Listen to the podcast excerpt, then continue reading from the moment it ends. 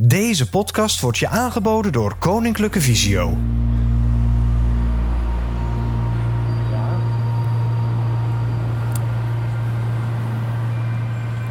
We staan hier eh, op een winderige plek in Rotterdam.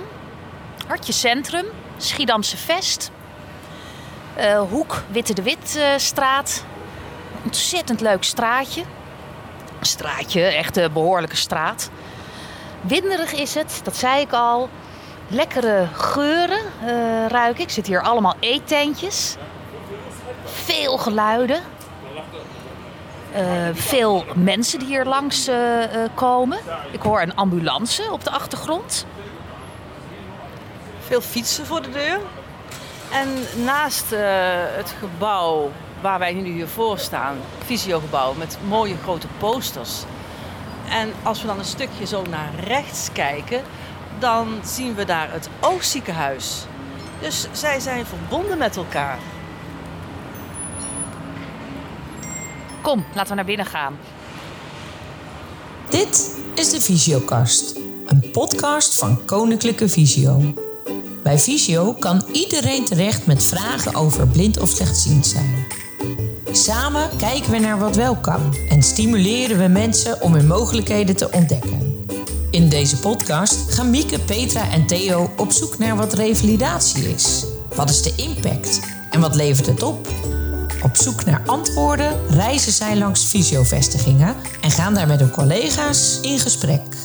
Bij Visio in Rotterdam gaan ze de confrontatie aan. Want revalideren gaat niet over rozen. Welkom bij weer een nieuwe Visiocast, de podcast over revalidatie, aflevering 7. En wij zijn de gast in Rotterdam. Je kan eh, vanaf hier de Maas horen klotsen en je ruikt de geuren van de havens. Dus we zitten echt midden in het eh, hartje van Rotterdam. En naast me zit Frank van Breda, de manager. Ik vind het al zo'n raar woord. De manager van, eh, van, van deze vestiging. We zitten inderdaad hè, op steenworp afstand van, eh, van het centrum. Klopt, we zitten midden in het centrum, bij de Witte de Witstraat. Hierachter eh, de Oude Haven. Het Oogziekenhuis, Rotterdam. Onze, buurman. Dus echt eh, midden in het hart van Rotterdam. Met hoeveel, hoeveel mensen zijn jullie hier in Rotterdam? Want het, de grote stad is denk ik ook aan heel veel medewerkers. Ja, we hebben ongeveer eh, 100 medewerkers hier eh, werken. Eigenlijk heel het pakket eh, revalidatie zit in Rotterdam. Ik moet bij Rotterdam altijd denken aan eh, handen uit de mouw, eh, niet lullen maar poetsen. En, eh, zitten jullie ook zo in elkaar? Ja, hoor, dat is echt hier de mentaliteit. Gewoon de cliënt centraal en gaan. Merk je dat dan ook bij de cliënten? Zijn die ook van lullen, niet lullen maar poetsen? Ja, de meeste wel. Natuurlijk wel. Hè, heeft iedereen zijn verhaal. En dan moet ook naar geluisterd worden. Maar je ziet hier wel de Rotterdamse cultuur eigenlijk zo van handen uit de mouwen en we gaan de strijd aan. Loop je dan niet het risico dat mensen met een visuele beperking hier ook denken van nou ja, niet lullen maar poetsen, ik probeer het zelf nog wel even op te lossen? Ja, maar dat mag. Dat mag. Kijk, kijk, in principe zijn wij er om de cliënt te ondersteunen en te helpen om weer te, terug te kunnen participeren in de maatschappij. Op het moment dat iemand zelf nog denkt van ik wil daar zelf, ja, dan moet je je er niet mee bemoeien. Dat sluit heel mooi aan, denk ik, bij hoe de mensen hier en hoe jullie in elkaar zitten. Heel mooi om, om- mooi om dat te horen. Eh, wat, wat kenmerkt de, de visio in Rotterdam? Niet lullen poetsen, dus er wordt keihard gewerkt. Wij hier verder ook wel eens zijn vooral de samenwerkingen met andere organisaties. En waar moet ik dan aan denken? Het oogziekenhuis zit hier natuurlijk langs. Daar zit ook Ergra in, waar we ook heel veel samen mee werken. Ook eh 500 meter verderop zit het revalidatiecentrum eh, Rijndam. Kan je een voorbeeld geven wat jullie dan bijvoorbeeld doen bij Rijndam? Eigenlijk wat je probeert te doen is samen met de professional hier, de ergotherapeut en daar de ergotherapeut, dat ze samen gaan kijken van twee verschillende invalshoeken van hoe kunnen wij zo efficiënt mogelijk de cliënt helpen om vooruit te gaan. Het woord samen is, is wel heel tekenend, denk ik, voor hier Rotterdam. Ja. Hand in hand, Hand in hand. kameraden, ja. ja. Maar het ge- gebeurt gewoon letterlijk dus. Ja. Jullie trekken samen op en proberen van elkaar te leren. Tuurlijk. Gewoon gebruik te maken van elkaars eh, capaciteiten. Maar dat is ook heel belangrijk. We proberen ook zoveel mogelijk één plan te maken voor die cliënt. Dus we knippen het niet op. En uiteindelijk is dat allemaal eh, ten bate van, van de, van de cliënten, die wordt daar eh 1 en 1 is 3 echt veel wijzer van. Nou, de, is in ieder geval de inzet, zal ik het zo zeggen. Oké, ja, ik denk altijd heel positief. Want Ja, dan, dan ga je met een volle tas naar huis. Maar Misschien is daar ook wel de Rotterdamse mentaliteit. Wij hoeven geen schouderklopjes. Wij willen gewoon graag voor die cliënt er zijn. En dan probeer je alles vooruit de kast te trekken om die verder te helpen. En in alle bescheidenheid, als je er toch een heel klein beetje iets uit mag lichten wat jullie hier in Rotterdam als heel bijzonder doen. Waar kan ik je, waar kan ik je dan toe verleiden? Vooral op de medewerkers daar in eerste in- instantie. Want ik, die zie ik zo met bevlogenheid en passie hun werk doen. De samenwerking met de toekomstige oogartsen en andere artsen vind ik echt heel mooi hoe wij dat geregeld hebben. Hoe heb je het geregeld? alle co-assistenten in heel de regio van alle ziekenhuizen, die eh, komen hier verplicht vanuit het Erasmus eh, een cursus volgen. Over slechtziendheid, doorverwijzen en wat de revalidatie kan betekenen voor een cliënt die hun misschien in de toekomst ooit gaan zien. Ja, want co-assistenten, wat dat zijn? Er zijn eigenlijk eh, alle toekomstige huisartsen, specialisten, oogartsen, neurochirurgen, eigenlijk alles. En die krijgen dus gewoon een goede basis. Nou, in ieder geval dat wij uit kunnen leggen van wat wij doen. Dat ze een beeld krijgen van goh, wat is slechtziendheid nou eigenlijk en waar kan ik dan op letten in de toekomst als ik een slechtziende cliënt krijg. Ik vind dit echt een heel mooi voorbeeld. Inderdaad, samen optrekken en, en, en, en, informatie delen met elkaar. Nou, Frank, mooie ontwikkelingen. Ehm, ja, heel fijn dat we hier mogen zijn. Maar ik wil toch nog een heel klein eh, samenwerkingspuntje eh, waar ik heel trots op ben ook nog even benoemen. Ja, pak je podium. En eh, dat is eigenlijk eh, de samenwerking samen met het Oogziekenhuis met dokter Van Everdingen. Dat is de specialist op eh, de ziekte van Leber. Kan, kan je kort uitleggen wat dat is? Ja, ik ben geen professional natuurlijk, maar het is eigenlijk een, zover ik het weet, een aandoening aan de, aan de oogzenuw, waardoor je heel snel slechtziend wordt. Het geeft een hele impact op, op cliënten die daar hebben. Samen met dokter Van Everding hebben we gekeken hoe kunnen we dat dan in een breder perspectief zien en hoe kunnen we beter die cliënten helpen. En, daaruit is gekomen dat we eigenlijk eh, op dit moment altijd aanwezig zijn bij het spreekuur in het ziekenhuis met een maatschappelijk werker van Visio. En daar ben ik echt zeer trots op. En wat we er ook van terug horen is dat het ook zeer gewaardeerd wordt eh, door de cliënten. Hey, nou Frank, bedankt voor deze informatie. Wij gaan eh, verder met de podcast. En aan het eind mag je weer even terugkomen, want we hebben nog een verrassing voor je.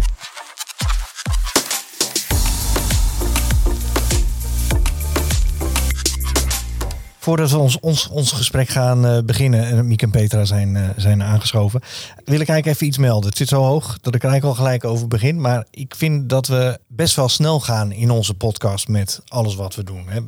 Ik heb van, van luisteraars begrepen die wat wij vertellen heel waardevol vinden.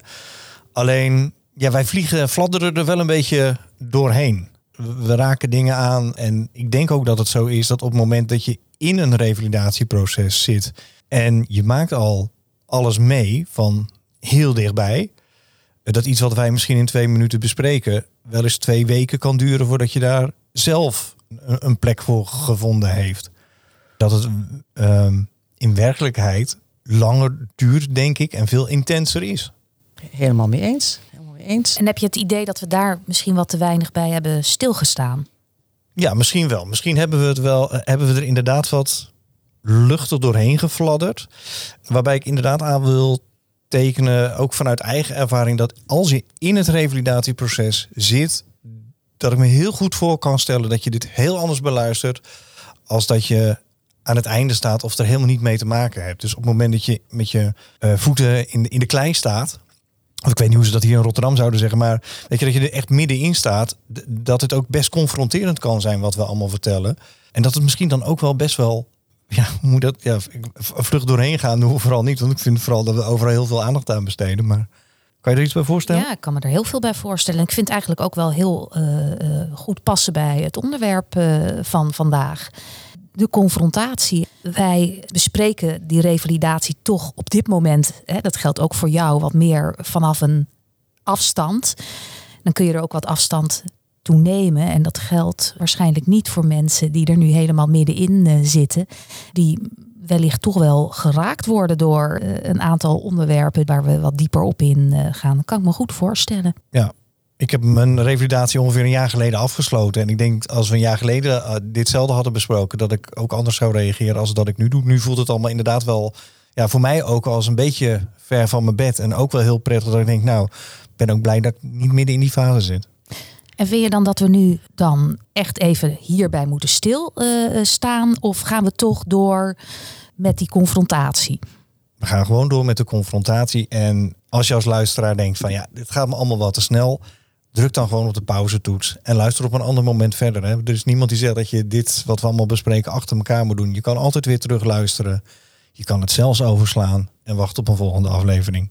Dan ik de bal weer terug naar jou, Mieke. Want wat heb jij in jouw etymologisch woordenboek teruggevonden over confrontatie? Ja, als, als echte taalpurist uh, ben ik er natuurlijk weer uh, diep ingedoken.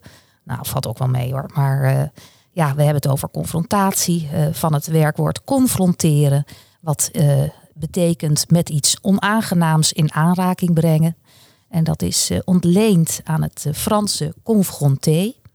Wat betekent tegenover elkaar geplaatst zijn. En dat is dan weer een afleiding van het zelfstandig naamwoord front, voorhoofd. Je kunt ook uitwijken naar het middeleeuws Latijn. Dat doe ik ook altijd graag. Confrontare, samengesteld werkwoord is van con, com, wat staat voor samen of met. En het zelfstandig naamwoord frons, wat dus staat voor voorhoofd. Dus um, kopstoot. Ja, daar zat ik eigenlijk ook aan uh, te denken. Ik, ik zie inderdaad gewoon twee voorhoofden uh, tegenover uh, elkaar die met elkaar frontaal, frontaal ja, ja, met elkaar in aanraking komen. Daar zit een bepaald verrassingselement in. He, je, je, hebt een bepaalde verwachting en de praktijk ehm, ja, blijkt anders te zijn. En dat kan schuren en spanning opleveren. Ik zit zo te luisteren naar dat confronteren. Denk ik van, wat, wanneer worden wij of word ik geconfronteerd? We hebben het steeds over mensen met een visuele beperking. Maar wij werken natuurlijk met mensen met een visuele beperking. En die confronteren ons ook, net zo. En ik realiseer me dat het ook heel belangrijk is om geconfronteerd te worden. Want zodra ik weer wat terug hoor of iets, iets hoor van wat niet helemaal klopt of wat toch anders wordt beleefd, dan moet ik daar ook weer goed over na gaan denken. En is ook niet altijd leuk. Dan denk ik, oh, maar ik zit zo mijn best te doen. En, uh, maar kun je zo'n moment eens noemen?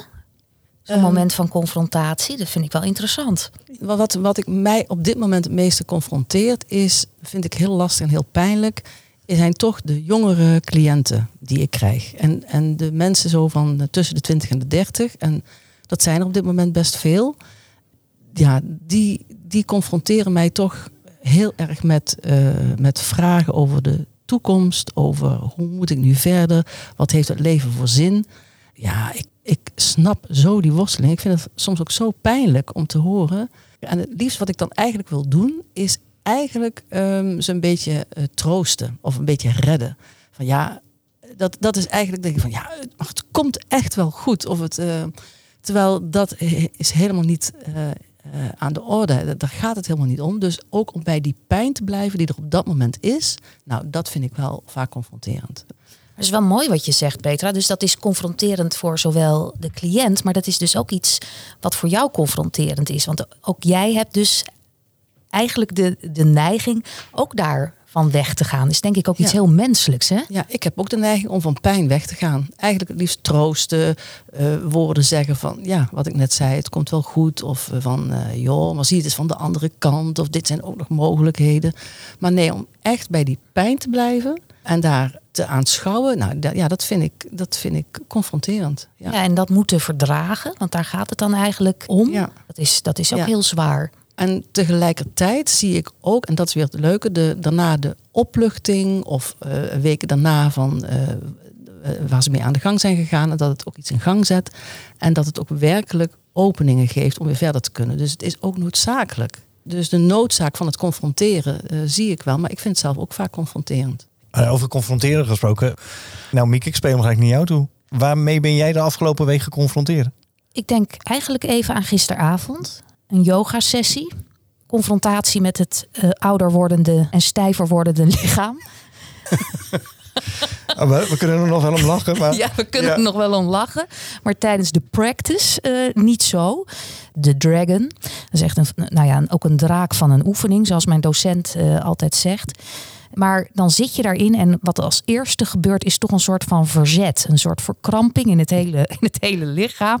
Ophouden met ademhalen, terwijl juist de kunst is om erbij te blijven, eh, er naartoe te gaan, rustig te blijven ademen en te merken dat het dan langzaam oplost. Of op het moment dat het echt niet meer te houden is, er gewoon uit te stappen uit de houding. Is ook een optie. Vind ik soms best een lastige, maar het, dat, dat kan echt. Ja, en jij Peter? Kijk, ik wilde daar niet over hebben, over dat ouder wordende lijf. Maar ik, ik heb contact gehad met HM over mijn pensioen. Steeds denk ik, ik noem het niet, ik noem het niet. Want als ik het de aandacht erop leg, dan weet iedereen eh, mijn leeftijd. En dat ik er dus bijna mee uitschei. Aan de ene kant wil ik het niet benoemen. En aan de andere kant houdt het me heel erg bezig. En nu heb ik dan de knoop doorgehakt. En ik heb nu met HM contact erover. Om te kijken van wat zijn de mogelijkheden om eh, af te bouwen ja, nu eenmaal de kogel door de kerk is, eh, word ik ook wel weer blij van.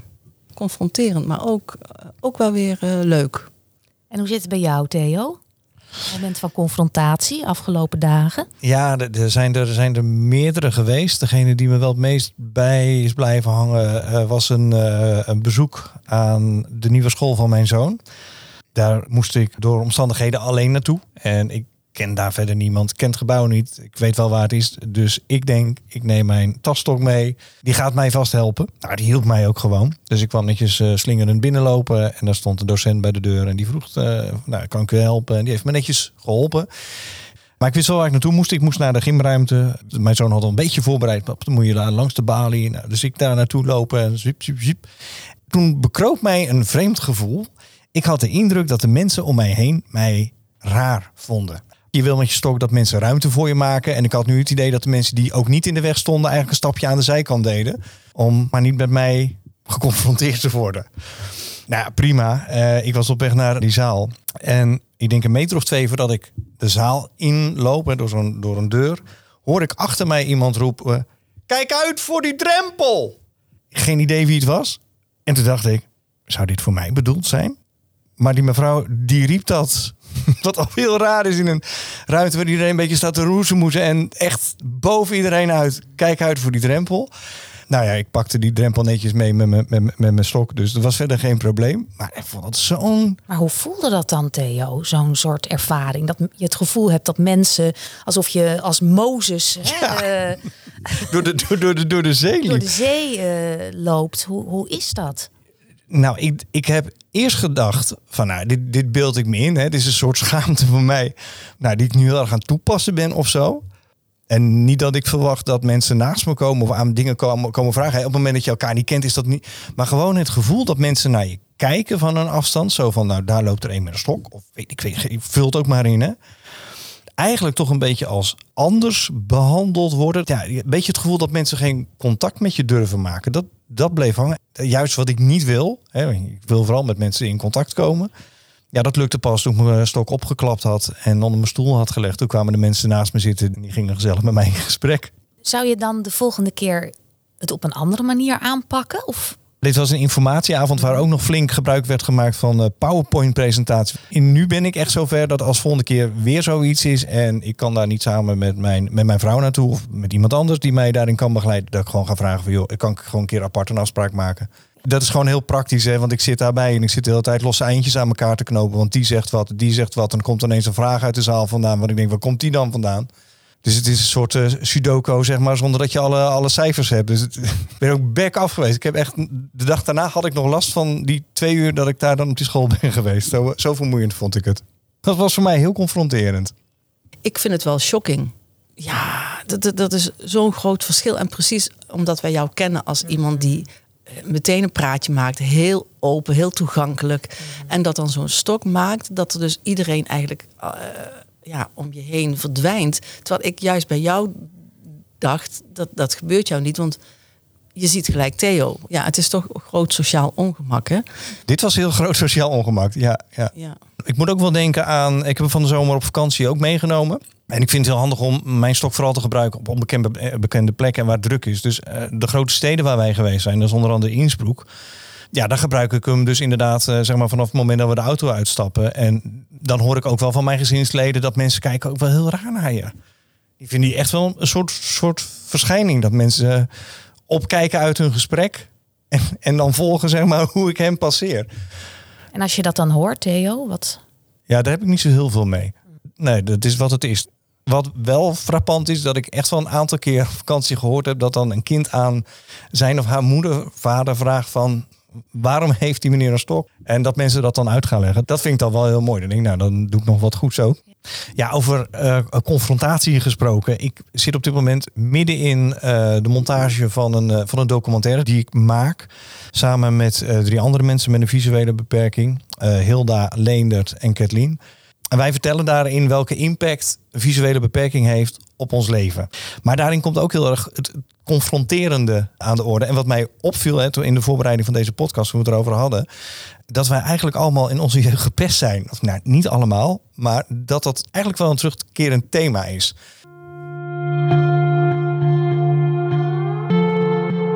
Ik kom uit een nest van eh, zeven kinderen. Eh, ik kom van, eh, van een boerderij af in, in Drenthe. Ik ben een nakomertje thuis, dus ik was het, het kleine meisje... terwijl de anderen al in de puberteit zaten. Ehm, ik heb gewoon de reguliere, het reguliere onderwijs gevolgd. Het was al direct wel bekend dat ik een erfelijke oogaandoening had. Omdat die dus in de familie voorkomt.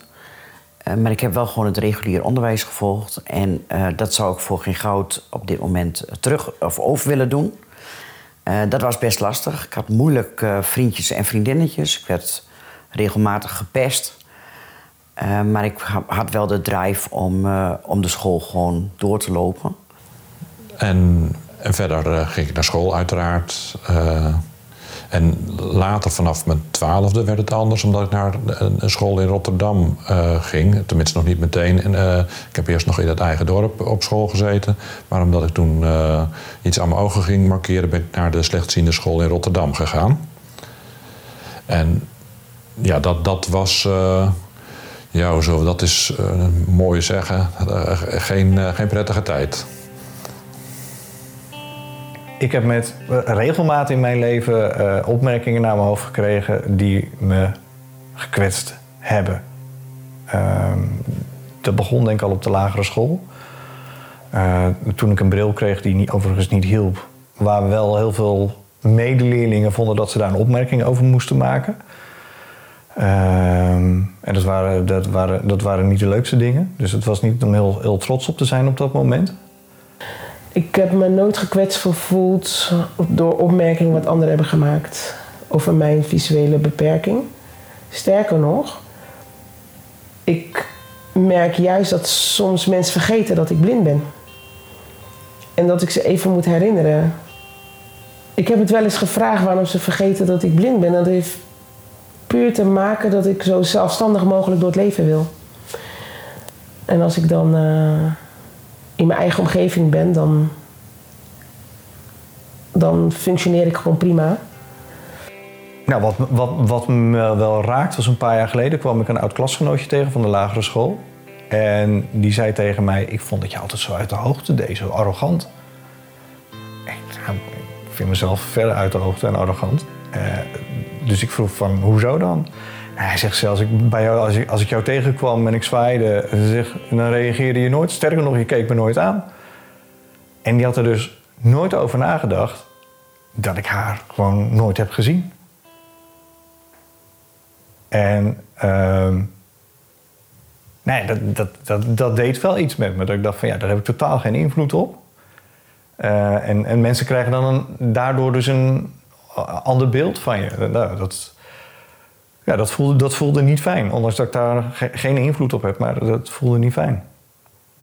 Ja, confrontaties uh, uit, het, uh, uit het verleden bieden geen garantie voor de toekomst, zou ik bijna zeggen. Zou dat, zou dat ook nog door kunnen werken, denken jullie, dat je gepest bent? Die vraag kan ik beter aan jou stellen, uh, Theo. ik had gewoon dat je hem niet terug zou kaatsen. Nee, het antwoord is ja. En... Ja, dat blijft, dat blijft zeg maar een, een, een, een tere plek.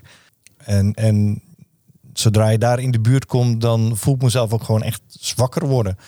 Dan ontstaat er een soort lichte vorm van paniek. Het bekende oude zeer wat weer wordt aangeraakt. Ja. Wat, wat, wat zou nou eh, een goede manier zijn om hiermee om eh, te gaan? Nou ja, ik denk dat jij dat al doet, eh, Theo, door het hier te bespreken, door er een documentaire over te maken, door van je hart geen moordkuil te maken. En eh, dat doen anderen ook. Dus ik denk ook, eh, spreek je uit en dan deel je het. En dan wordt het al vanzelf alweer een beetje lichter.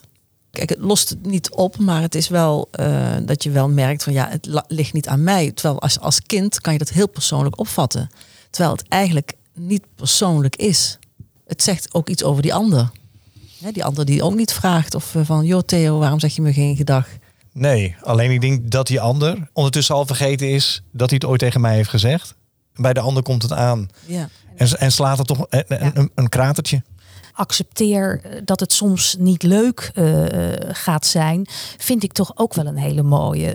We leven best wel in een samenleving waar we bezig zijn met optimaliseren van je welzijn. Ja, en eh, er zijn ook momenten die, die niet zo prettig zijn. En dat hoort ook bij het leven. Ik denk dat wij toch een beetje onszelf zo geprogrammeerd hebben om er het leukste uit te halen. Ja, en daarbij soms ook eh, overheen te stappen. Dat, dat er soms dingen niet leuk zijn in het leven. Dan, hè, eh, nou, daar hebben we het ook wel eens vaker over gehad, Theo, over dat boek De kracht van kwetsbaarheid. Wat wel een behoorlijk Amerikaans eh, verhaal eh, is, maar waar toch heel veel waars in eh, zit. En als we ook vaker daarover met elkaar het gesprek aangaan, dat wat, wat je lastig vindt, dat wat zo af en toe pijnlijk is, dat, dat maakt het ook al draaglijker. Ja, durf kwetsbaar te zijn. Durf je kwetsbaar op te stellen. En tegelijkertijd denk ik ook, als ik jou dan zo hoor praten over die, die, die kennismakingsavond op school, hè, je kunt het ook zien als een ehm, interessante kwestie. Ja, nee, absoluut. absoluut. Ik, ik ging op de fiets terug naar huis en toen dacht ik, wat is hier gebeurd? En dan ga toen? nou ja, een beetje analyseren. En e- eerst dacht ik van, nou, heb ik het zelf groter gemaakt als dat het is? Nou ja, dus ik heb het iets afgezwakt voor mezelf. Dat onheimische gevoel bijna, dat, dat bleef. En dat heb ik eigenlijk nooit. En nu was dat zo duidelijk aanwezig. Ja, en, dat dan, en daar dan, dat dan gaan analyseren. Wat gebeurde er nou? Wat, Ja, wat, voel, wat voelde ik Wat op dat moment? Hè? Want ik liep daar gewoon, ik liep gewoon mijn dingetje te doen. Ik liep gewoon met mijn stok door die, door die ruimte heen. Ja, dat, dat, ja dat, vind ik ook heel interessant. En, zeker om daar dan nog langer over na te denken. En, en, en ook te bedenken waar dat gevoel vandaan komt. Waar, waar zit dat in, mijn- in mijn lijf? en, en hoe reageerde je? Ik heb er echt denk om lopen glimlachen. Ik, maar ik vond eigenlijk zo'n Bizar. bizarre, absurde situatie. Waarvan ik me op dat moment nog altijd liep te vragen: gebeurt dit echt? Ja. Maar echt gewoon die vrouw ook die nou ja, achter me liep te brullen van kijk uit voor het, voor het drempeltje. Het is bijna koefnoen. Eh, zie het als een interessante kwestie. Dat is natuurlijk wel heel mooi als je dat zo kunt zien en dat je inderdaad om kunt glimlachen. En maak het niet te persoonlijk. Ja, dat is waar, Peet. Maar dan denk ik ook meteen aan wat Theo net zei. Dat wordt dus wel persoonlijk als het raakt aan iets van vroeger. Dat klopt. Want daar hebben we het net over gehad. Want het is inderdaad van accepteer dat het niet leuk gaat zijn. Nou, het was helemaal niet leuk. En het verduidelijkt wel de, de schoolse situatie. Daar heb je ook nog associaties bij. Dus die school is absoluut niet leuk. Dus dat heb je ook wel eigenlijk al heel snel gelinkt. Dus dat accepteerde je. En als je er dan uitstapt en dat je het je kan verbazen, dan zegt het ook van ja, maar dan ben je er al een stukje uitgetild dat je het niet persoonlijk meer opvat. En dat is natuurlijk een heel mooi gegeven. Want je kan ook denken van wat een onhandige mensenmassa staat daar. Die weten niet eens hoe ze om moeten gaan met iemand die hier loopt en het minder goed ziet. Dus ehm, Om het leuk in te vullen dacht ik wel van ja, dit is wel, dit denk ik wel een heel dankbaar publiek voor de documentaire die ik aan het maken ben. Ik wou net zeggen. Ja, ik zag wel een zaal mensen voor me, zag ik. Ik denk ja. Nog een hoop werk aan de winkel. Ja, ja, ja, absoluut, absoluut. En ehm, nou ja, wat jij ook zei, van, hè, de, eh, de- volgens mij zei je dat, eh, de volgende keer eh, doe ik dit dus niet meer. Je- bent daarin ook wel realistisch. Je- hebt eh, zoiets van, nou, dit levert niet op waarvoor ik gekomen ben. En dat ga ik op een andere manier dus Ja. aanpakken. Dit, dit is gewoon niet de plek waar ik nu moet zijn om mijn informatie tot me te krijgen. Dat moet ik op een andere manier gaan regelen. Daar zat ik ook net nog aan te denken. Soms kan een confrontatie ook te groot zijn. Hè? Het is niet erg, want dat is ook volgens mij wel een beetje de moraal van het verhaal. Een confrontatie kan veel opleveren. Maar soms kan een confrontatie ook gewoon te groot zijn. Een confrontatie soms ook gewoon met, met mate. Dat je niet altijd meteen een, een reuzenstap hoeft eh, te nemen. Gisteren had ik een netwerkavond. Daar was een cliënt bij aanwezig en die vertelde dat zij tien jaar daarvoor contact had opgenomen met iemand die zelf ook ten gevolge van haar aandoening eh, heel slechtziend was geworden. En die zag geloof ik nog maar nou, een paar procent. Zij zei dat was nogal een grote confrontatie.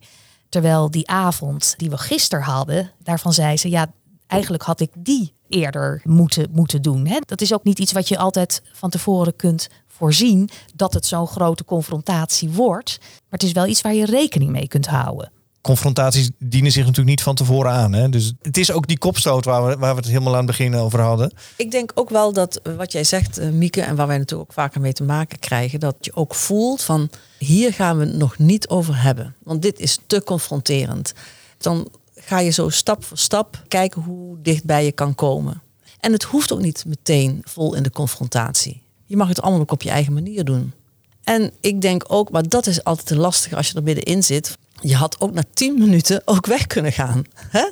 Maar daar kom je dan niet op. Want dat is als je er middenin zit. Of was je er wel op gekomen, Theo? Nee, Dan ben jij nog aan het herstellen van die kopstoot. Dat was mijn hele missie niet voor die avond. Ik wilde daar net als iedere andere ouder die er op dat moment was, wilde ik daar gewoon bij zijn. Ja. Het idee van ik kan nu ook weggaan, is geen moment ook maar in de buurt van mijn gedachten geweest. Nou, dan had je dit ook niet nu zo goed allemaal kunnen vertellen. Nee, ik doe alles voor de podcast. Zullen we eens gaan luisteren wat onze ervaringsdeskundigen ervan gezegd hebben? De dingen die ik erg confronterend vond tijdens mijn revalidatie, dat zijn er eh, eigenlijk een aantal. Ehm, en ik denk ook dat veel dingen confronterend zijn, omdat je op het moment dat je je gaat aanmelden bij fysio, dan leef je eigenlijk al in een, een groot veld van onmogelijkheden. Dingen gaan minder of gaan steeds slechter, of dingen lukken niet meer op dat moment is natuurlijk eigenlijk heel veel confronterend. En de twee dingen die ik het meest confronterend heb gevonden, was wel het feit dat ik steeds minder energie kreeg. En dus ook moest leren om andere keuzes te maken. En het feit dat ik in 2017 moest stoppen met werken. En dat gaat altijd gepaard met verdriet of een stukje rouwverwerking. En de confrontatie heeft me heel veel inzicht opgeleverd. Doordat je om hulp vraagt en een uitleg krijgt en ook leert hoe je er op een andere manier mee, mee om kunt gaan. Dan levert het je natuurlijk toch weer heel veel mogelijkheden op. En ook weer een motivatie om weer stappen vooruit te gaan maken. En weer eh, gericht op de toekomst te zijn. eh. Dus in die zin levert een confrontatie mij in ieder geval ook altijd wel wat op. In de tijd dat ik slecht ging zien en dat mijn zicht steeds minder werd, ben ik geconfronteerd met ja, duisternis. Maar tegelijkertijd heb ik bij fysio een lichtonderzoek gedaan. En het was een positieve confrontatie. In die zin dat ik in een donkere kamer kwam te zitten. En elke keer deden ze een beetje extra licht erbij. Voor mij was het wel fijn dat hoe hoger het licht ging, hoe meer ik nog kon zien. Ik moet eerlijk bekennen dat ik weinig confrontaties heb gedurende het eh, revalidatietraject. Ik heb meer mijn ogen geopend. Het enige wat ja, lastig blijft is eh, het erkennen dat je soms eh, hulp moet vragen. Hetgeen wat ik heb geleerd, zowel op de intensieve revalidatie als op de regionale revalidatie, en wat ik daarna kon toepassen in mijn thuisomgeving, dat, dat heeft me alleen maar verder gebracht. En nu ben ik zelf ook heel leergierig, dus en eh, wil dan ook de dingen zelf uitproberen. Dat vond ik op de intensieve revalidatie ook altijd wel heel prettig. Want dan ging ik op vrijdag, zaterdag en zondag naar huis. En dan had ik ook de gelegenheid om die dingen in de praktijk eh, te gaan brengen. En dan kon ik daar de week erop, als ik maandag weer terugkwam, Ehm, als iets niet ging of als ik ergens vragen over had, kon ik dat ook meteen weer terugkoppelen en kijken of ik dat op een andere manier, of dat ik het niet goed begrepen had, of verder trainen of verder oefenen. De eerste 17 jaar dat ik bij Visio werkte, ging het op zich met wat aanpassingen redelijk. Eind 2019 veranderde dat.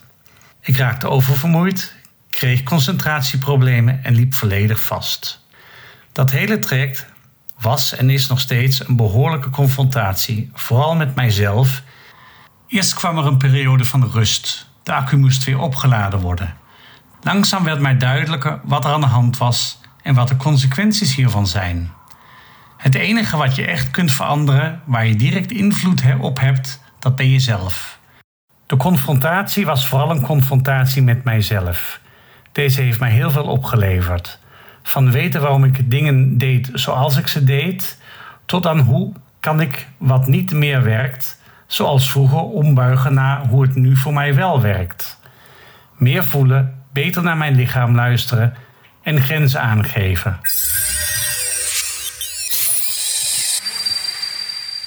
Ja, mooie reacties vanuit diverse delen van het land van onze ervaringsdeskundigen. Wat opvalt is toch dat pijnlijk zo'n confrontatie is, dat het ook uiteindelijk altijd wat oplevert. En dat is opvallend dat dat genoemd wordt. En eh, iemand noemde het al, een positieve confrontatie. Nou, zo heb ik nog nooit gehoord dat iemand uit het lichtlab is gekomen. En dat vind ik dan ook weer zo mooi vanuit een ander perspectief uh, gezien. En waar we het net over hadden, van zie het als een interessante kwestie. Wat ik vooral mooi vond was om ook bij deze ervaringsdeskundige te horen dat, dat het soms voelt als een rotswand, zeg maar, waar je tegenaan loopt. Zo'n confrontatie, bijna weer letterlijk in de kop stoot. Maar dat je daar ook door, doorheen kan of dat je er altijd iets van kan leren. Ja, en ik vond het nog opmerkelijk waar uh, de confrontatie allemaal kan, kan komen te liggen. de, de confrontatie uh, met het steeds minder energie krijgen, eventueel afscheid van werk moeten nemen, de confrontatie met de duisternis. Ik heb er nog een paar. De confrontatie met het plotseling slechtziend worden was voor mij erg emotioneel. Ik ben door mijn hersenaandoening van 100% goed kunnen zien naar maatschappelijk blind gegaan. Ik schaamde mij enorm dat ik het allemaal niet meer goed kon zien. Dit probeerde ik te verbloemen voor de buitenwereld. En elke keer een gezichtsveldonderzoek was voor mij erg confronterend. In het dagelijkse leven wil dit zeggen dat je je volledige zelfstandigheid bent kwijtgeraakt en dat je afhankelijk bent geworden van andere mensen en hulpmiddelen, zoals aanvullend openbaar vervoer en een tasstok. In de thuissituatie was het ook wel moeilijk, denk ik soms, ehm, omdat jij verandert. En ehm, daar waar je ehm, sommige dingen door je partner of door je naaste liet doen, daar nam je dat nu in ene uh, weer over en deed je dat op de manier die je werd aangeleerd. En soms was dat dan non-visueel. En daar moet je naast de omgeving of je partner moet daar dan ook wel weer aan wennen. En tegelijkertijd had dat ook een hele positieve kant, omdat mensen dan ook zagen van hé, hey, maar als ze het op die manier doet, dan lukt het haar dus wel. Wat ik confronterend vond, is dat elke keer na operatie, eh, dat je dan dacht dat het beter zou zijn of dat een probleem met mijn netvlies verholpen zou zijn, dat het dan achteraf niet zo was. En dat ik eigenlijk uiteindelijk volledig blind ben geworden. Ik heb daarna wel doorgepakt. En het was even een confrontatie. Maar ik kan wel bedenken dat in elke lichtsprankel een zegen is. De confrontatie, ja, het heeft me heel veel kracht gegeven uiteindelijk. Het uh, accepteren en uh, het gebruiken als een soort van uh, wapen om andere mensen hiermee weer te kunnen helpen. Maar daarin moet je natuurlijk wel eerst zelf het volledige hebben geaccepteerd. In het begin heb ik geen hulp durven vragen en accepteren. Maar toen ik eenmaal mijn slechtziendheid had geaccepteerd, kon ik ook de hulp accepteren, waar ik tot op de dag van vandaag erg dankbaar voor ben. Het heeft me eerder heel veel gebracht en heel veel opgeleverd. Uh, en ik denk dat dat een confrontatie ook altijd wel doet als je daar je weg ook weer in vindt.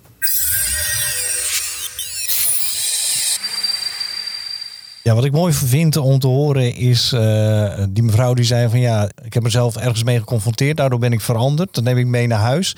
En dan zie ik ineens dat mijn huisgenoten of de mensen om mij heen ook mee moeten veranderen. Dat dat eigenlijk misschien ook wel een kleine confrontatie dan weer is. Ja, zo, zo werkt dat denk ik dan. Dat is zo'n soort domino-effect. Hè? Jij verandert, dan, ja, dan moeten anderen ook veranderen, denk ik. Ja. Ja, automatisch heeft dat gevolgen voor hè, de rest van eh, het gezin of nou ja, het systeem. ja, dus daar heb je ook nog mee te maken als je gaat revalideren. Peter, heb jij nog iets eh, toe te voegen? Nou ja, dat schamen en dat verbloemen. Dat ze vertelde dat je er toch eerst probeert, ja, dat je denkt van niemand ziet het, ik doe het zo en eh, dan heeft niemand er last van, heeft mijn omgeving er ook geen last van. Maar dat dat bijna niet vol te houden is. Dus dat, dat uiteindelijk die confrontatie vroeg of laat, die komt er een keer. En die moet er eigenlijk ook Ja. komen. Want dat levert vaak toch veel op. Nou, ik had het net al over die netwerkavond. Gisteren zaten we dus met een aantal eh, mensen daarbij. En die vertelden eigenlijk alle drie dat zij opener waren geworden richting hun werk.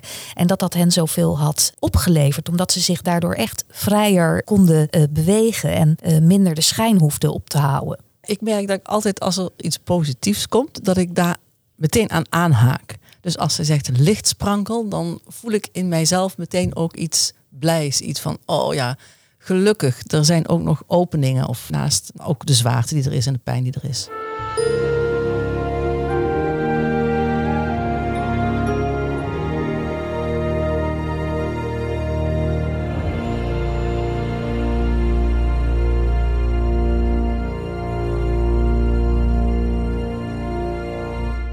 We zitten hier in de revalidatiekeuken van het regionaal centrum Rotterdam. En ik zit hier met twee eh, collega's. De ergotherapeut Renate in het Veen en gedragswetenschapper Corine van de Oude. Ja, we hebben het vandaag eh, over confrontatie tijdens het revalidatietraject. Waarbij een cliënt keihard met zichzelf geconfronteerd eh, wordt. En ik wilde eigenlijk eerst eventjes naar Renate want ik kan mij wel wat voorbeelden voorstellen waar jij mee te maken hebt. Maar klopt dat ook? Zeker, ja. Ik denk dat ik het dagelijks tegenkom eh, bij cliënten. Wat ik merk bij mensen is op het moment dat ik hun eh, vragen stel, gewoon van goh, hoe gaat het eigenlijk hè, met inschenken van, eh, van de- koffie? Gaat het wel eens mis? En dan, dan hoor je ze toch wel zeggen, ja, dat gaat mis. En eigenlijk doordat ze het uitspreken, merk je ook dat ze dan ineens beseffen dat ze problemen hebben. En eh, soms zeggen ze ook van ja, ik ben eigenlijk heel onhandig. Hè. Ik struikel veel of ik, eh, ik stoot tegen dingen aan of ik, eh, ja, mensen noemen mij klungelig. En als ik dan zeg van nou, dat hoor ik eigenlijk bij al mijn cliënten terug. Dus dat heeft te maken doordat je het niet kan zien. Ja, dan zie je ook wel dat er bij hun ineens een lampje gaat branden van oh, oké. Maar ook ja, andersom is die natuurlijk ook wel weer confronterend van. Dan is er dus wel echt iets aan de hand. En hoe ga jij daar dan vervolgens mee om? Vanuit ergotherapie probeer ik het praktisch te houden. En zeker de eerste keer niet al te beladen nog gelijk. Dus dan probeer ik gewoon voorbeelden te geven. Ja, daar zijn ze altijd wel heel blij mee. Als je dan gewoon zegt van nou, als u het inschenkt. Hè, als u dan de kant tegen de, het kopje aanhoudt, zodat je het niet naschenkt. Dan denken ze, oh ja, oké. En dan zie je ook wel, doordat ze al wat praktische tips krijgen... dat ze ook wel weer durven om andere dingen wat meer te benoemen. Krijg meer zelfvertrouwen. Ja, precies. Komt het ook wel eens voor dat een cliënt zo geconfronteerd wordt met zichzelf dat daardoor de revalidatie ook bemoeilijkt wordt? Eh, ja, dat kom ik denk ik toch het, het vaakst wel tegen op het gebied van mobiliteit. Wanneer mensen met een slechtziende stok eh, moeten gaan lopen. Eigenlijk als dat natuurlijk eigenlijk wel verstandig is om te gaan doen. Eh, want daarmee worden ze ook herkenbaar op straat als zijnde slechtziende. En het voordeel van slechtziend zijn kan zijn dat je het niet gelijk ziet als iemand binnenkomt. Hè. Dus je bent nog niet, ja, iemand in een rolstoel wordt gelijk herkend als niet kunnen lopen. Maar slechtziend zie je niet gelijk bij binnenkomst. Maar als ze dan met zo'n stok naar buiten gaan, dan hoor ik ook wel dat buren laten zeggen als ik met mensen gehoord heb van oh, is het ineens zo slecht met je ogen, wat erg. Terwijl iemand heeft dan al heel lang hè, dezelfde soort visus, alleen is er dan op het moment aan toe om er wat aan te doen. En dat vinden mensen ook vaak wel heel uh, lastig. Kom jij dan ook mensen tegen die, die zoveel schaamte kennen, die liever niet die stok dus helemaal niet willen gebruiken? Ja, die kom ik ook tegen. En dan wat ik ook wel eens doe, is dat ik dan toch gewoon met mensen naar buiten ga zonder hulpmiddel. En ook nog helemaal geen instructie geef, maar dat ik dan gewoon uh, hun voor me uit laat lopen. En dan uh, dat ik dan was benoem van, goh, deze situatie vind ik onveilig. Uh, hoe vindt u dat? Ja. En dan komen ze vaak natuurlijk wel tot de conclusie dat het onveilig is. En dan probeer ik op die manier hè, een voorbeeld te geven hoe je het veiliger kan maken. Corine, jij bent gedragswetenschapper. Ja. En wat doet een gedragswetenschapper precies? Nou, ik ben in de functie van psycholoog en nu in opleiding tot GZ-psycholoog. En dat houdt in dat ik naast diagnostiek naar de hogere visuele perceptie ook uh, gesprekken voer of behandelingen uitvoer met, uh, met cliënten. Eigenlijk een belangrijk onderdeel daarin is ook het samen met het team verder oppakken. Hè. Dus dat confrontatie soms natuurlijk best wel heftig is in een revalidatietraject. Maar ik kan me ook voorstellen dat confrontatie juist wel ervoor zorgt dat mensen weer in beweging komen. Kan je daar een voorbeeld van noemen? Ik heb eerder een cliënten gezien uh, die zich bijvoorbeeld heel erg schaamde hè, om net de tastok te gaan lopen. En dus daar hebben we veel aandacht aan besteed samen met de ergotherapeuten ook. Hè, van hè, wat zit er nou achter? Wat, wat, wat houdt die schaamte nu in? Wat voor gedachten of wat voor gevoelens zitten daar dan onder? Hè? En wat kunnen we daaraan doen om die gedachten of gevoelens misschien wel te veranderen? Over wat voor gedachten en gevoelens spreken we dan? Nou, wel gedachten over ja, wat moet de omgeving van mij denken, schaamtegevoelens. Als ik uh, visueel beperkt ben, dan moet ik niks meer, kan ik niks meer. Of hè, gaan ze me ook zo behandelen? Uh, en tegelijkertijd zie je dat het wereldje natuurlijk steeds kleiner wordt daarmee. Hè? Dat ze zichzelf allemaal beperkingen oplegt, terwijl dat eigenlijk helemaal niet nodig is. En als iemand nog niet in die fase zit om het te aanvaarden, hè, en eigenlijk nog in een molen zit om het medisch allemaal nog te, te willen verklaren, dan is dat misschien nog net een brug te ver. Je noemde het woord aanvaarden. Dat is ook altijd zo'n uh, woord wat soms heel gevoelig ligt. Uh, bij cliënten. Ja. Die denken dan, ik moet, uh, ik moet dat een soort van blij zijn uh, met mijn visuele beperkingen. Heel gechargeerd gezegd Ja. hoor. Maar Ja. dat is soms hoe gekeken wordt naar uh, een, een woord of term als aanvaarden. richting aanvaarden gaan, hoe doe je dat? Ja, dat is natuurlijk een hele moeilijke. En ik was al een beetje bang dat je hierover ging beginnen. ik, moet, ik heb ook een- zo'n hekel aan dat woord eigenlijk.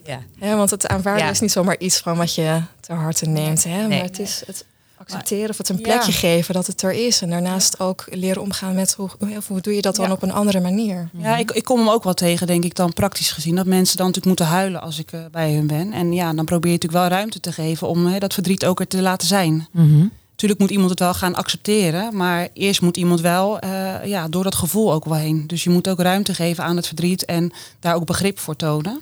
We hebben het hier denk ik eigenlijk over het verwerken van het feit dat je slechter bent gaan zien.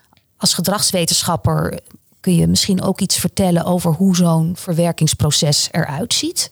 Het verwerkingsproces is eigenlijk, ziet er natuurlijk voor iedereen heel anders uit. Het is eigenlijk een soort rouwproces, hè, omdat je telkens wordt geconfronteerd met dingen die niet meer gaan. Het is eigenlijk een soortzelfde verlieservaring die mensen hebben als ze bijvoorbeeld een dierbare verliezen. Je ziet je hele leven, normale leven zo naar beneden gaan. Hè? Dus het beeld wat je van jezelf had, dat is er dan niet meer. En ook de familie verliest dan het beeld van die persoon. Eh, je maakt evenzeer een rouwproces eigenlijk door, zoals een, de rouw na bijvoorbeeld het overlijden. Hè? Alleen hierbij zie je dan bij een chronische aandoening, hè, zoals de visuele, is dat de samenleving ook vaak wel beleeft dat het niet een, eenzelfde soort rouwverwerking of een verlies is, wat heel veel op uh, onbegrip uh, stuit. Ja, en dat het ook gaat om een chronische aandoening hè, en dat het levend verlies eigenlijk is. En levend verlies is een verlieservaring die nooit overgaat. Er zijn ook cliënten bij wie er oud zeer naar boven kan komen. Die visuele beperking, dat is, dat is dan eigenlijk net iets te veel wat er dan ook nog eens bij uh, komt. Terwijl er daarvoor in iemands leven ook al heel veel gebeurd is. En de emmer stroomt dan over. Waardoor er eigenlijk nog helemaal geen ruimte is om te gaan revalideren. Zo'n soort cliënt. Kan je je voorstellen dat die zich bij jou uh, dan ook aanmeldt? De cliënt die nog zo erg bezig is met de diagnose en om te kijken wat voor hulp er eigenlijk nog mogelijk is. Hè. Dus van verschillende ja, ziekenhuizen met verschillende artsen nog bezig is. Hè, dat daar nog niet zozeer berusting in is. Mhm. Mm -hmm. En ik kan me ook wel voorstellen dat als je zoveel hebt meegemaakt en dat, hè, dat dit dan nog een druppel is die de emmer doet overlopen. Ja, als, als ik dat soort dingen tegenkom, dan merk ik dat mensen mij niet meer horen. Nee. En dan kan ik wel adviezen geven, kan ik zeggen wat ik wil, maar dan merk je gewoon dat de boodschap niet, uh, niet aankomt. Nee. En dat heeft ook geen zin. Dus dan, uh, dan probeer ik een andere insteek. Maar ik zit te denken uh, aan bijvoorbeeld cliënten met een pestverleden. Vanwege bijvoorbeeld die visuele beperking. Wat op het moment dat iemand nog slechter gaat zien en waardoor bijvoorbeeld een, nou, ik, ik, schets nu even een hele nare situatie, maar die ik zelf wel eens met een cliënt heb, heb, heb meegemaakt. Ook de relatie, ja, die, die loopt op een, op een einde. Dus het hele kaartenhuis valt eigenlijk in elkaar, stort in elkaar. En wat, wat kan een gedragswetenschapper dan doen op zo'n moment? Nou, psychologische gesprekken voeren. Mhm. Kijken wat er kan. Misschien is EMDR mogelijk traumabehandeling hè, of imaginaire rescriptie om die, eh, de gedachten en de gevoelens van die situatie van het pestverleden bijvoorbeeld eh, te bewerken. En jij noemt even heel snel een paar letters achter elkaar. EMDR. Wat is dat? EMDR is een traumabehandeling waar je met behulp van een uh, lichtbalk of met vingerbewegingen of uh, tactiele ondersteuning de herinnering gaat bewerken. Zodat hij minder heftig wordt. Het is goed om te horen dat er ook toekomstperspectief geboden wordt. En ik kan me voorstellen dat dat ondersteunend is. Want dat is dus de ene kant, toekomstperspectief. Maar die angst, die blijft er nog steeds. En dat is in ieder geval wat ik vaak bij cliënten terug uh, zie. Angst voor iets wat er op dat moment nog niet is. Maar wat iemand wel heel erg beheerst.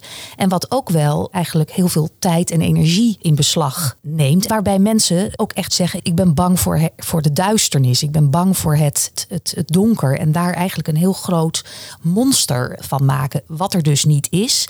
Waarvan ze ook niet zeker weten dat dat er gaat zijn. Maar wat wel heel veel invloed heeft op hun dagelijks leven op dat moment. Ja, ja. Wat doen Ja. jullie daarmee? Eigenlijk wat ik dan toch wel vaak doe. Ik heb natuurlijk ook gewoon wel cliënten die geheel blind zijn.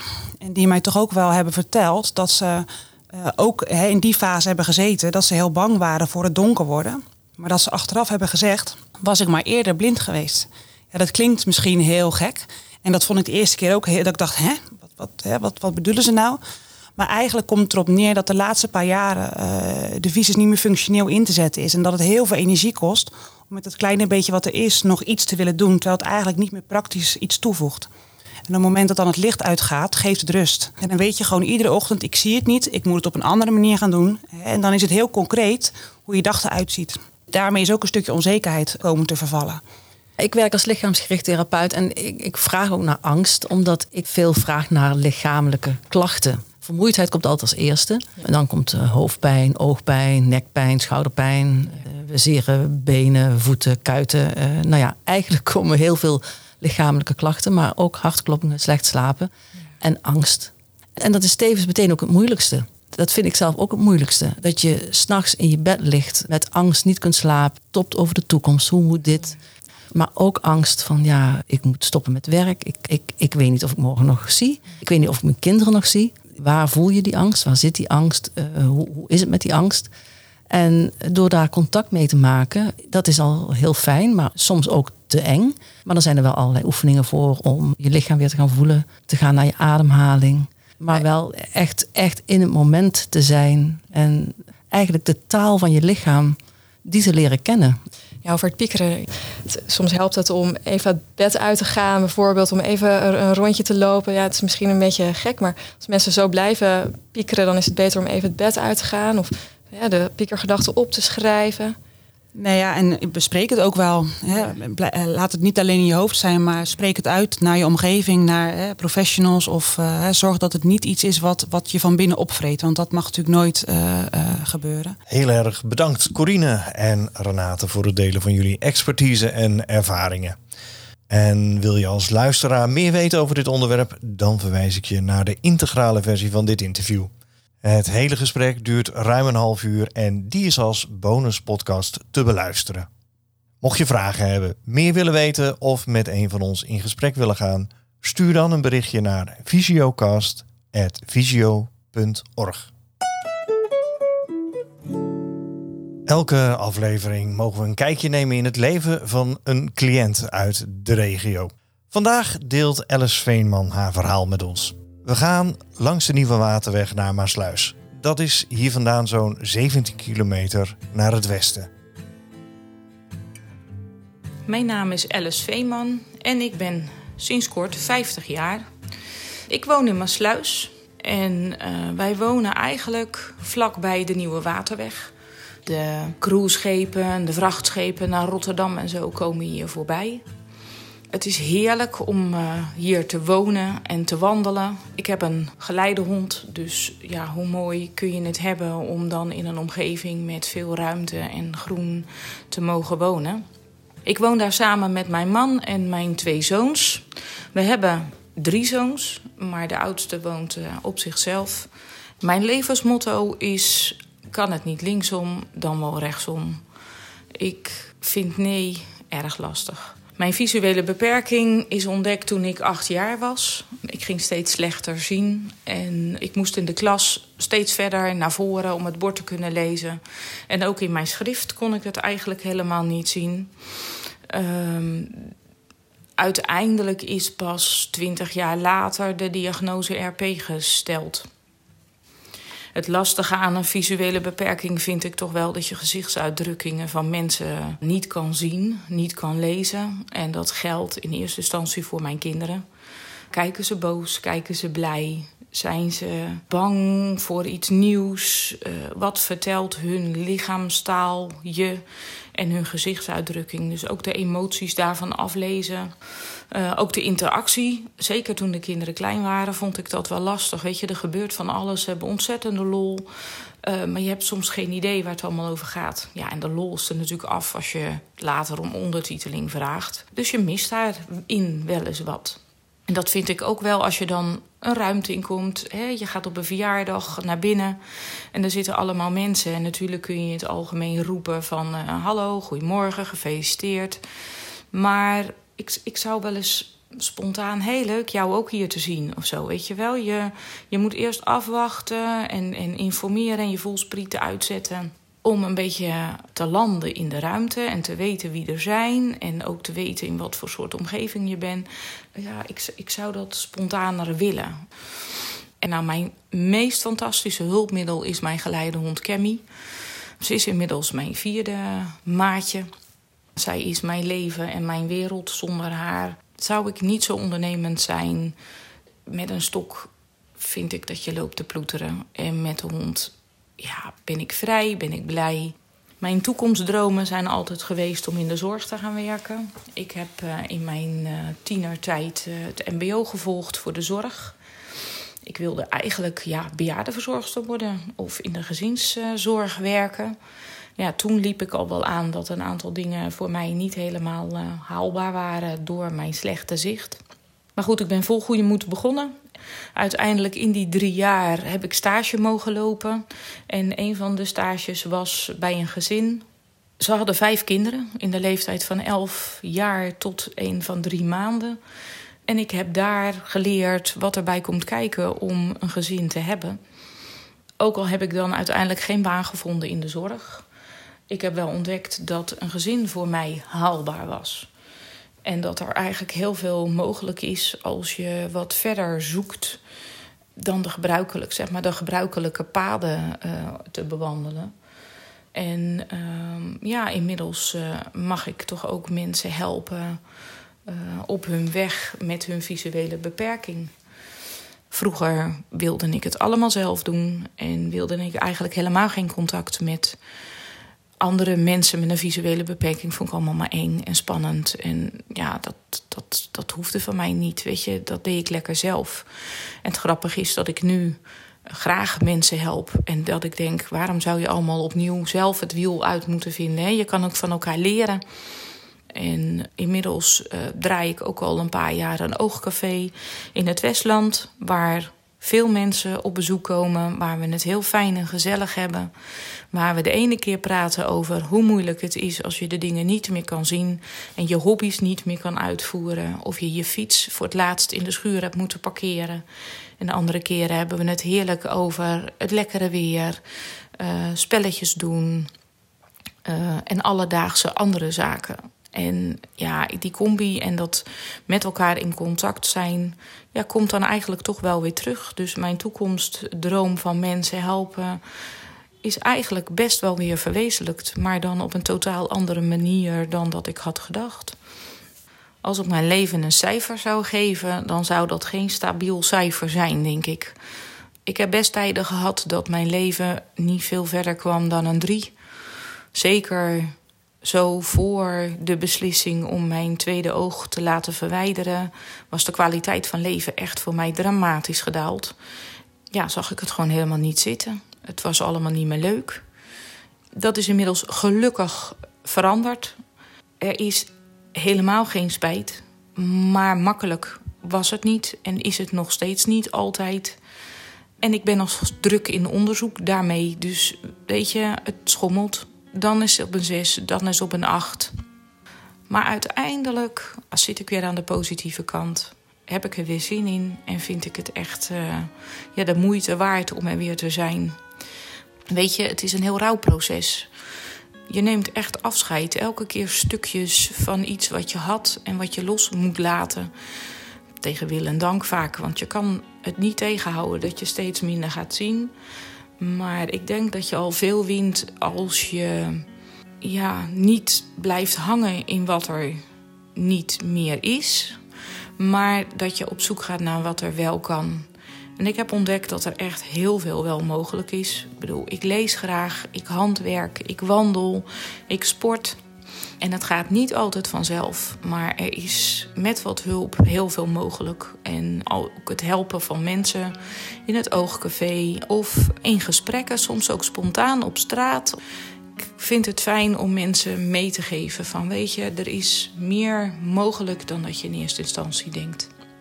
Een krachtig en openhartig verhaal van Alice Veenman. Heb je een vraag aan Alice of wil je reageren op haar verhaal? Stuur dan een mailtje naar visiocast.visio.org. En Alice heeft nog meer over zichzelf en over het leven met een visuele beperking verteld. En haar hele verhaal kun je beluisteren als bonuspodcast.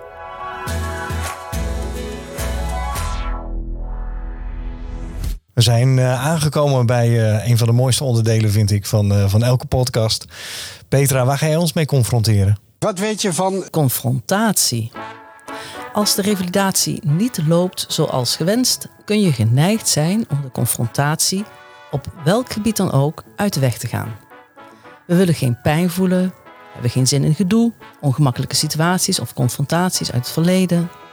Ons instinct zegt rennen. Rennen als zich pijnlijke of moeilijke situaties zich voordoen. We gaan het liefst de confrontatie uit de weg om ongemak te voorkomen en om onszelf stress te besparen. En daar zit het hem vaak in. We zijn bang, bang voor de confrontatie. Maar de confrontatie uit de weg gaan vraagt ook veel energie van ons. Alsof je een strandbal onder water aan het duwen bent die steeds weer oplopt. Je bent er de hele tijd mee bezig zonder het echt aan te pakken. En dat is dodelijk vermoeiend. Soms kan het goed zijn om afstand te nemen van het probleem. Maar eigenlijk zijn het nou precies die lastige puntjes die ons verder gaan brengen in het leven. Niet alleen overwin je letterlijk een angst, een ongemak of stressfactor, het is bovendien goed voor je brein om problemen aan te gaan. Dat zegt neuropsycholoog Erik Scherder. Als je puur naar het functioneren van de hersenen kijkt, blijkt uit onderzoek dat een comfortabel leven helemaal niet het beste is. Ons brein is juist gebaat bij problemen oplossen en weerstand overwinnen. Steeds als we ons in bochten moeten wringen, conflicten aangaan en oplossingen moeten bedenken, trainen we onze hersenen. En dat is een goed ding. Toch fijn om te weten dat als je de confrontatie durft aan te gaan, er ook werkelijk iets kan veranderen. Niet omdat de situatie is veranderd, maar omdat je er anders tegenaan kijkt, het vanuit een ander perspectief kunt zien en omdat er daadwerkelijk stofjes in je hersenen zijn aangemaakt die je een goed gevoel geven. Je bent uit je comfortzone gestapt en je bent het onder ogen gaan zien. Iets wat eerst onoverkomelijk leek, heb je overwonnen, waardoor je verder kunt en het leven je weer toe kan lachen. Zo las ik in 23 Plus van Annemiek van Munster over haar confrontatie tijdens haar revalidatieperiode bij Visio Low Erf. Zij verbleef er bijna een jaar om beter te leren omgaan met haar visuele beperking. Haar vervloekte beperking, zoals ze het zelf noemt, is ook een bron van inspiratie geworden. Ze schrijft: Mijn energiebalans slaat regelmatig door in de rode cijfers, met oververmoeidheid, hoofdpijn, oogpijn tot gevolg. Maar mijn moeilijke tijden heb ik leren waarderen en door deze dalen geniet ik intenser van mijn geluk. Want gelukkig, dat ben ik zeker. Naast schrijfster, vlogger, blogger en radiomaker is Annemiek bovenal levensgenieter. Lees meer over Annemiek op www.annemiekvanmunster.nl. Ook in het boek De evenwichtskunstenaar van Femke Krijger vertelt Femke over haar confrontatie met Usher, waarbij ze langzaam haar zicht en gehoor verliest. Er is niet alleen verlies, zegt Femke. Door haar beperkingen onder ogen te zien, realiseert ze zich dat het waarnemen zoveel meer is dan zien en horen. Ze ontdekt een manier van waarnemen waardoor ze intenser verbonden is met de wereld. Er zijn altijd mogelijkheden. De Evenwichtskunstenaar is een literaire vertelling voor iedereen die door het leven uit evenwicht is gebracht en op zoek is naar nieuw evenwicht. Lees hier meer over op www.levensvonk.nl. En om met de wijze woorden van Loesje weer af te sluiten, waarom binnen je comfortzone blijven als daarbuiten zoveel meer te beleven valt?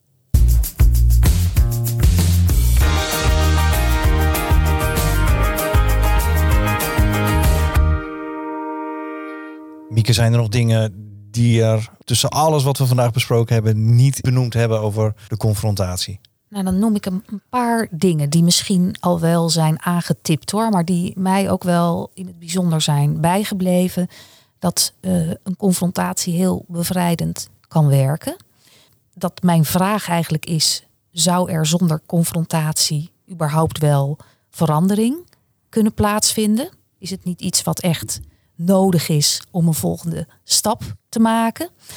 Dat het vaak wel pijn doet, maar het doet je ook weer heel levendig voelen. Je bent echt mens. Ja, en wat is het tegenovergestelde van confrontatie? Dat is heel vermijdend eh, bezig zijn, er omheen lopen, eh, verbloemen, wat een van de ervaringsdeskundigen ook, eh, ook zei. Wat vaak ook niet bevredigend werkt. Daarmee ga je inderdaad wel die confrontatie uit de weg, maar Ook wat vervlakkend. Ja, absoluut, absoluut. En intussen is eh, Frank van Breda weer bij ons aangeschoven. En die zit denk ik te wachten op zijn eh, tegeltje. De vorige keer zijn we in Hogeveen geweest. En daar hebben we van eh, de manager in Hogeveen, jouw collega Margreet Eggens, die heeft jou nog wat te zeggen. Frank en collega's in Rotterdam. Ik eh, heb ook een tegeltje voor jullie. En dat sluit eigenlijk aan bij het eh, thema Ik doe het niet alleen, toch? En dat gaat zeker niet zo zijn. En daar slaat dit tegeltje op. Heel veel groetjes vanuit Hoogveen. Ja, mij dan de eer om het, eh, de tekst om het tegeltje voor te lezen. Frank, Margreet heeft voor jou opgeschreven. Alleen ga je sneller, samen kom je verder. Gewoon wel leuk zeg. En eh, echt een passende tekst eh, op het tegeltje. Mooi. Nou Frank, en voor jou ligt hier nu ook een blanco tegeltje waar jij eh, je spreuk op mag zetten. Zodat wij die weer mee kunnen nemen voor de volgende keer naar jouw collega in Nijmegen. Ah, je gaat naar Frederik. Wij gaan naar Frederik. Ah, dat is mooi. Dan eh, zal ik eens een mooie slogan voor Frederik bedenken. Nou, heel fijn. Wij zijn zeer benieuwd. En dankjewel voor jouw bijdrage, Frank. En eh, dank jullie wel dat jullie hier waren. En zo komt er ook aan deze zevende aflevering van de Visiocast een slot. Rollen de kabels weer op en de microfoons gaan weer in de tas tot Nijmegen. Onze dank gaat uit naar de ervaringsdeskundigen Dario, Kathleen, Meta en Severin voor hun openhartige reacties. Verder werd deze podcast gemaakt door Daniel Schober, Frank van Breda, Renate In het Veen, Corine van den Oude, Alice Veenman en de collega's op de achtergrond. Ik wil je nog even attenderen op de twee bonuspodcasts die je als spin-off van deze aflevering kunt beluisteren. Het volledige gesprek met collega's Renate en Corine over confrontatie, levend verlies en hoe je daarmee kunt omgaan is als extra aflevering beschikbaar. En ook het volledige verhaal van ervaringsdeskundige Alice Veenman, dat ook heel mooi aansluit bij dit onderwerp, is vanaf nu te beluisteren. Voor de volgende aflevering trekken we naar Visio in Nijmegen. We kijken dan hoe het is om tegen het einde van je revalidatie te lopen. Ben je dan klaar of is het juist een nieuw begin? We gaan daar onder meer in gesprek met een cliënt en zijn behandelaar. Dus dat belooft een mooi kijkje in de behandelruimte te worden. Reacties op deze aflevering kun je natuurlijk mailen naar visiocast.visio.org. En over enkele seconden vertelt collega Yvonne over de mogelijkheden van revalidatie en ondersteuning en hoe je met Visio in contact kunt komen. Linkjes naar de besproken onderwerpen in deze aflevering vind je uiteraard in de beschrijving. Leuk dat je geluisterd hebt en graag tot de volgende Visiocast. Dit was de Visiocast. We zijn benieuwd naar je reactie en kijken uit naar je mailtje. Ons mailadres is visiocast.visio.org, waarbij je visio met een V van Victor en kast met de C van Claudia schrijft. Meer informatie over Visio vind je op visio.org of bel met 088 585 8585. Daar beantwoorden onze collega's je vragen of bespreek je met elkaar welke mogelijkheden er voor je zijn. Op het Visio Kennisportaal vind je informatie, tips en artikelen over uiteenlopende onderwerpen.